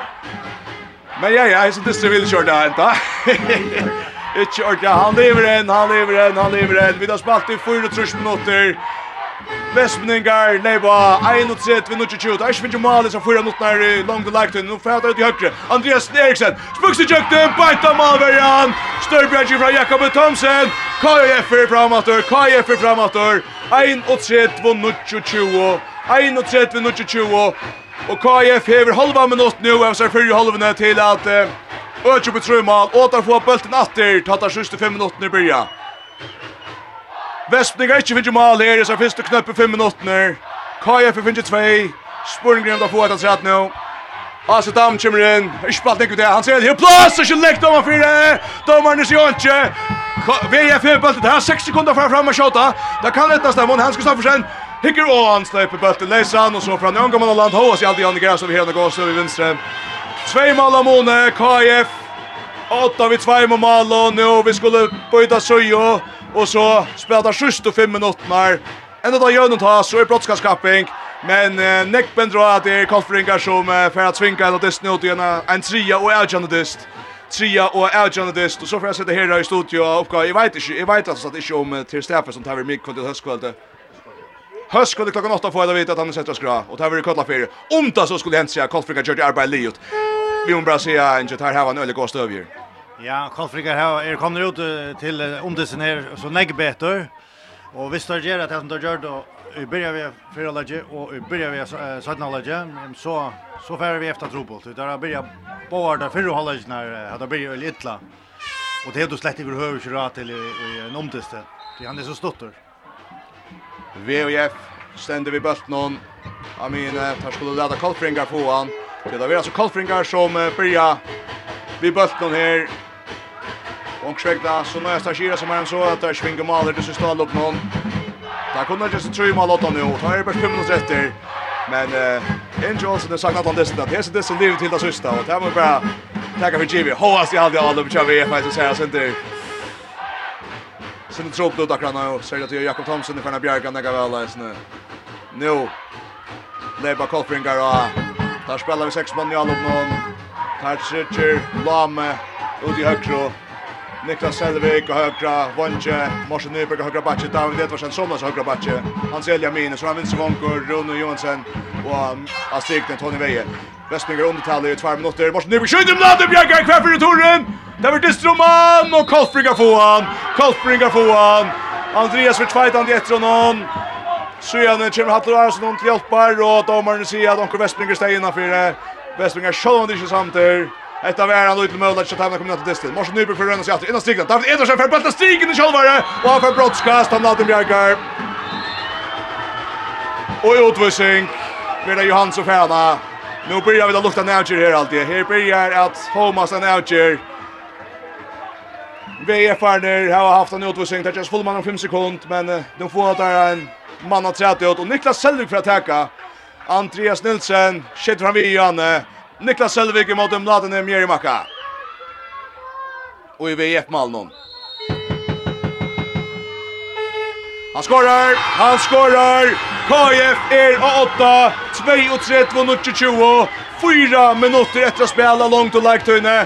Nu just tungt høg tinkre tja VF. Magnus Müller det er bra, tar på i det fölkje, tar undermannar, tar svinskje sista mannen, tar leipa faktisk bare av i fyra mannen er aldrig. Her skulle heta annan mannen i Göteborg, han kommer ner. Och så skulle jag ha en annan tre alt, ja? Är det fett? Hans Kristoffersen är bra. Her er Lutschille, ja, Rune Fossland skal inn, han kommer inn her. Hans Kristoffersen, Boira Sinter, vi er til Magnus Müller. Vi er takla vår, og jeg får lengt tog her, vi efter der Magda på sin mann inn i alt, ja? Nå, lever der vi seks mann og noen kunne alderbarn, det må være rett. Noen kunne malvera, det må være rett. Seks alderbarn. Nå er det Andreas Eriksen, for bøtten er ikke høyre stepper inn i midten back och vånk men uh, Mr. fotofest här efter här frukast till VOF frukast till VF vi har ett sparm mot rätt trutcha mot rätt ska med vi har spalt ett sparm mot rätt satt ni håller vi långt om lagtuna hatt är som vi Max Müller och skottet stryker ner det Det skulle gänga nästan 20 minuter långt i lagtun gör en VFX i första mål. Det är Magnus Müller vid en ontronskåte som... Mest som... Flöjtar ett gulv någon i nätet. Tvei mål av månet, 30 minutter etter. Det er ikke i stedet igjen. KF fram med Söderkorsen håndene. Farri en trutje mot etter. KF i uttalet i 35 sekund. Og KF 8 vid 2 mån. Hans Eli, plåset till vinster. Rune Johansson, Jökten! Krosser ut av högra. Bank, og de kan selv släpper kör i Jökten till skyddan synet. Så kan VF føre fram av Minka ner i ett mål. VF kan føre fram av Minka ner i ett mål. Där här var Holvans 3 mot etter. Hattlar alltså är plats i högra, backe. in mot min, Erik Hans Gustafsson skjuter, han släpper köket och skräckta, han skorar, han skorar och så rätt mål Amoni åter, så är rätt mål Amoni åter. Ja, ja. Bara Ja, okej, fri väg. Jag kommer att skjuta. som vi ska med på den vägen. Och där kickar det fotbollsnatter. Där fotbollsnatter. Jeg går ikke om alle gjør så kjøtt jeg, det kan selge pura fryr, han hamrar bøltene innar sine stønst, han støkker ut ut i spelatter, fryr vei i loftar og noen, og kan anta og soffa og sier, her slapper natt i sketsjen noen. 2 og 3 og 1 og 3 til KF, bant fargen 2 minutter etter, ja, vi skal satt nå halven i langt og leiktøyne, 1 måne vi tava små 2 minutter etter, fryr i vei, inne mot mine, Upp och hänga, vad gör Utlands Eli? Mål! Hans Eli skorar och högra matchen, kommer att av injökten. 3-3-2-1-3 till KF. 3-3-2-1-3 till KF. Magnus Müller kött i vint, här har skund nu, Vespningar. Hattle Öresson ut mot vinster, Magnus Müller på er sinne vid möter högt. Så vi är det han Gerastund och Justin Fullman här, Vespningar, Hattle Öresson, Björn Au. Vi är Christian Jensen, han satt av injökten i allt det inte Rune Fostel. Bulten, stöcker lejs över Petra Korsen så skorar Rune Fastel. Så skårar Rune Fostel, så ett mål av Mone åter. Ett mål av Mone. Vi täva bant. Om man får en minut efter. Ein minutter etter Koltbringar åtta vi einon Begeline fullmanna er Spela 6 mot 6 David Edvardsen Kipa spille KF 8 3 og 3 2 2 3 2 5 og 4 sekund etter Er langt og leik tøyne KF Røyne at Edja dyster nu. Morsen Nyberg og Benga blir takla vår. Frykast, frykast. Tøyen gonger, tøyen gonger. Og skal torskast, og tøyen gonger han løter så stekken av tøyene. Her er det 35 sekunder etter. 3 og 3, 2 og 3. Jeg halte vi det som Jodi Gjøstad. Skåra KF nå, så tids det. Ja, til så er det halvt sikkert just det, men uh, linjen i her har vært øyelig gå til at uh, blekka, blekka Malvek. så... Hvis man tar att distance man för ner det skulle Kolfringa kanske blacka veck att nu. Det var öliga när vi bäj och all upp är den och nu. Jag blacka veck så. Kanske vi få bråttom. Kanske kapping. 35 sekunder etter, 33-32 til KF, her i langt og lagt høyne i Vestmanna. KF skal vinna for å tvinga disten ut i en trio agent dist. Nu får Tony Veia få bøtten! Tony Veia ergjør disten tirsdag som 20 sekunder etter, 2 mål av måneden til KF. Han får bøtta stigner fra Morsten, Atle Hansson inn og Sjåta, Jakob Bjerg, Andreas versus Toren om og fyrre, til Iot, til Iot, KUF, KUF vinner, vi skulle ut i en trio og ergjante dist. 34, 32 enda da, etter 22, 22 i vanlige leiktøyene. Så var det særlig der og 5, 6, 6 minutter til KF. Her er ikke løyte VF å skåre her i langt og leiktøyene, som gjør det utsleie. 34, 32 KF. Og en øyn i det styrer av, og Kolfringar saunast, vi er noen rinje, framme for egen mal. En herrdyster, spennende dyster, og den ikke server, altså. Men KF vinner och vi får ut igen trio agentist och sväktan känns det ästen som att uh, Karlsbringa komma glias till tandisten. Ja ja, nu fick det en upptur här och och jag hade vi så en uh, alltså jag var ju så väl spaldran men han var helt allmänt intensor och helt förbi spännande. Eh, en fyrir halvleikur her, og alle åpne ordentlig hatt og gauan det, og en sattne halvleikur her, veien her hatt og en gauan det, Och så såg vi ändan här att att Kolfringar hade marginalerna av Vissar. Här var här var nästan några gemoner. Så absolut en oanmändig reklam för handbollen. Akkurat och här. Så jag kan ta mest för Kolfringar. Fäkta samman med Sune Askaron och ja, Man skulle nästan tro att det var lite nu vet för på så här inte jag kan nu. Men en öl uppras fyrt där. Jag ska kanske att ta sig på stå på halvfinalen här. Här upplevt och så att jag reser sig åter här efter en natt Størst vånbrott. Høskvölder senast. Så enda alltså 4-3-2-3. Och så nu sitter jag också på ena vägen framåt höstkvällen. någon. Kolfringar tidigt kanske att ha ovanat tog att Filip Björk han blev skatter som han blev. Ja, det är en givet tog att uh, ta i uh, toppskytten och i Jögn och Näcknäck och herran så här är ute. Ja, så ska vi efter finna på något nytt. Och all uppgör vi är oavmyndliga kärt med Filip är så tar er och tar över favoriter till båda dessa. Nu är det kanske uppe att det större favoriter än det var året till till att komma till finalen där. Skulle där första två halvfinalerna vara en avbändning så blir det en ett rymmarbräck höstkväll klockan 8 i Kotlafjärde. Vi hörs att ta. Vi tackar för först till syster Tissa Frösök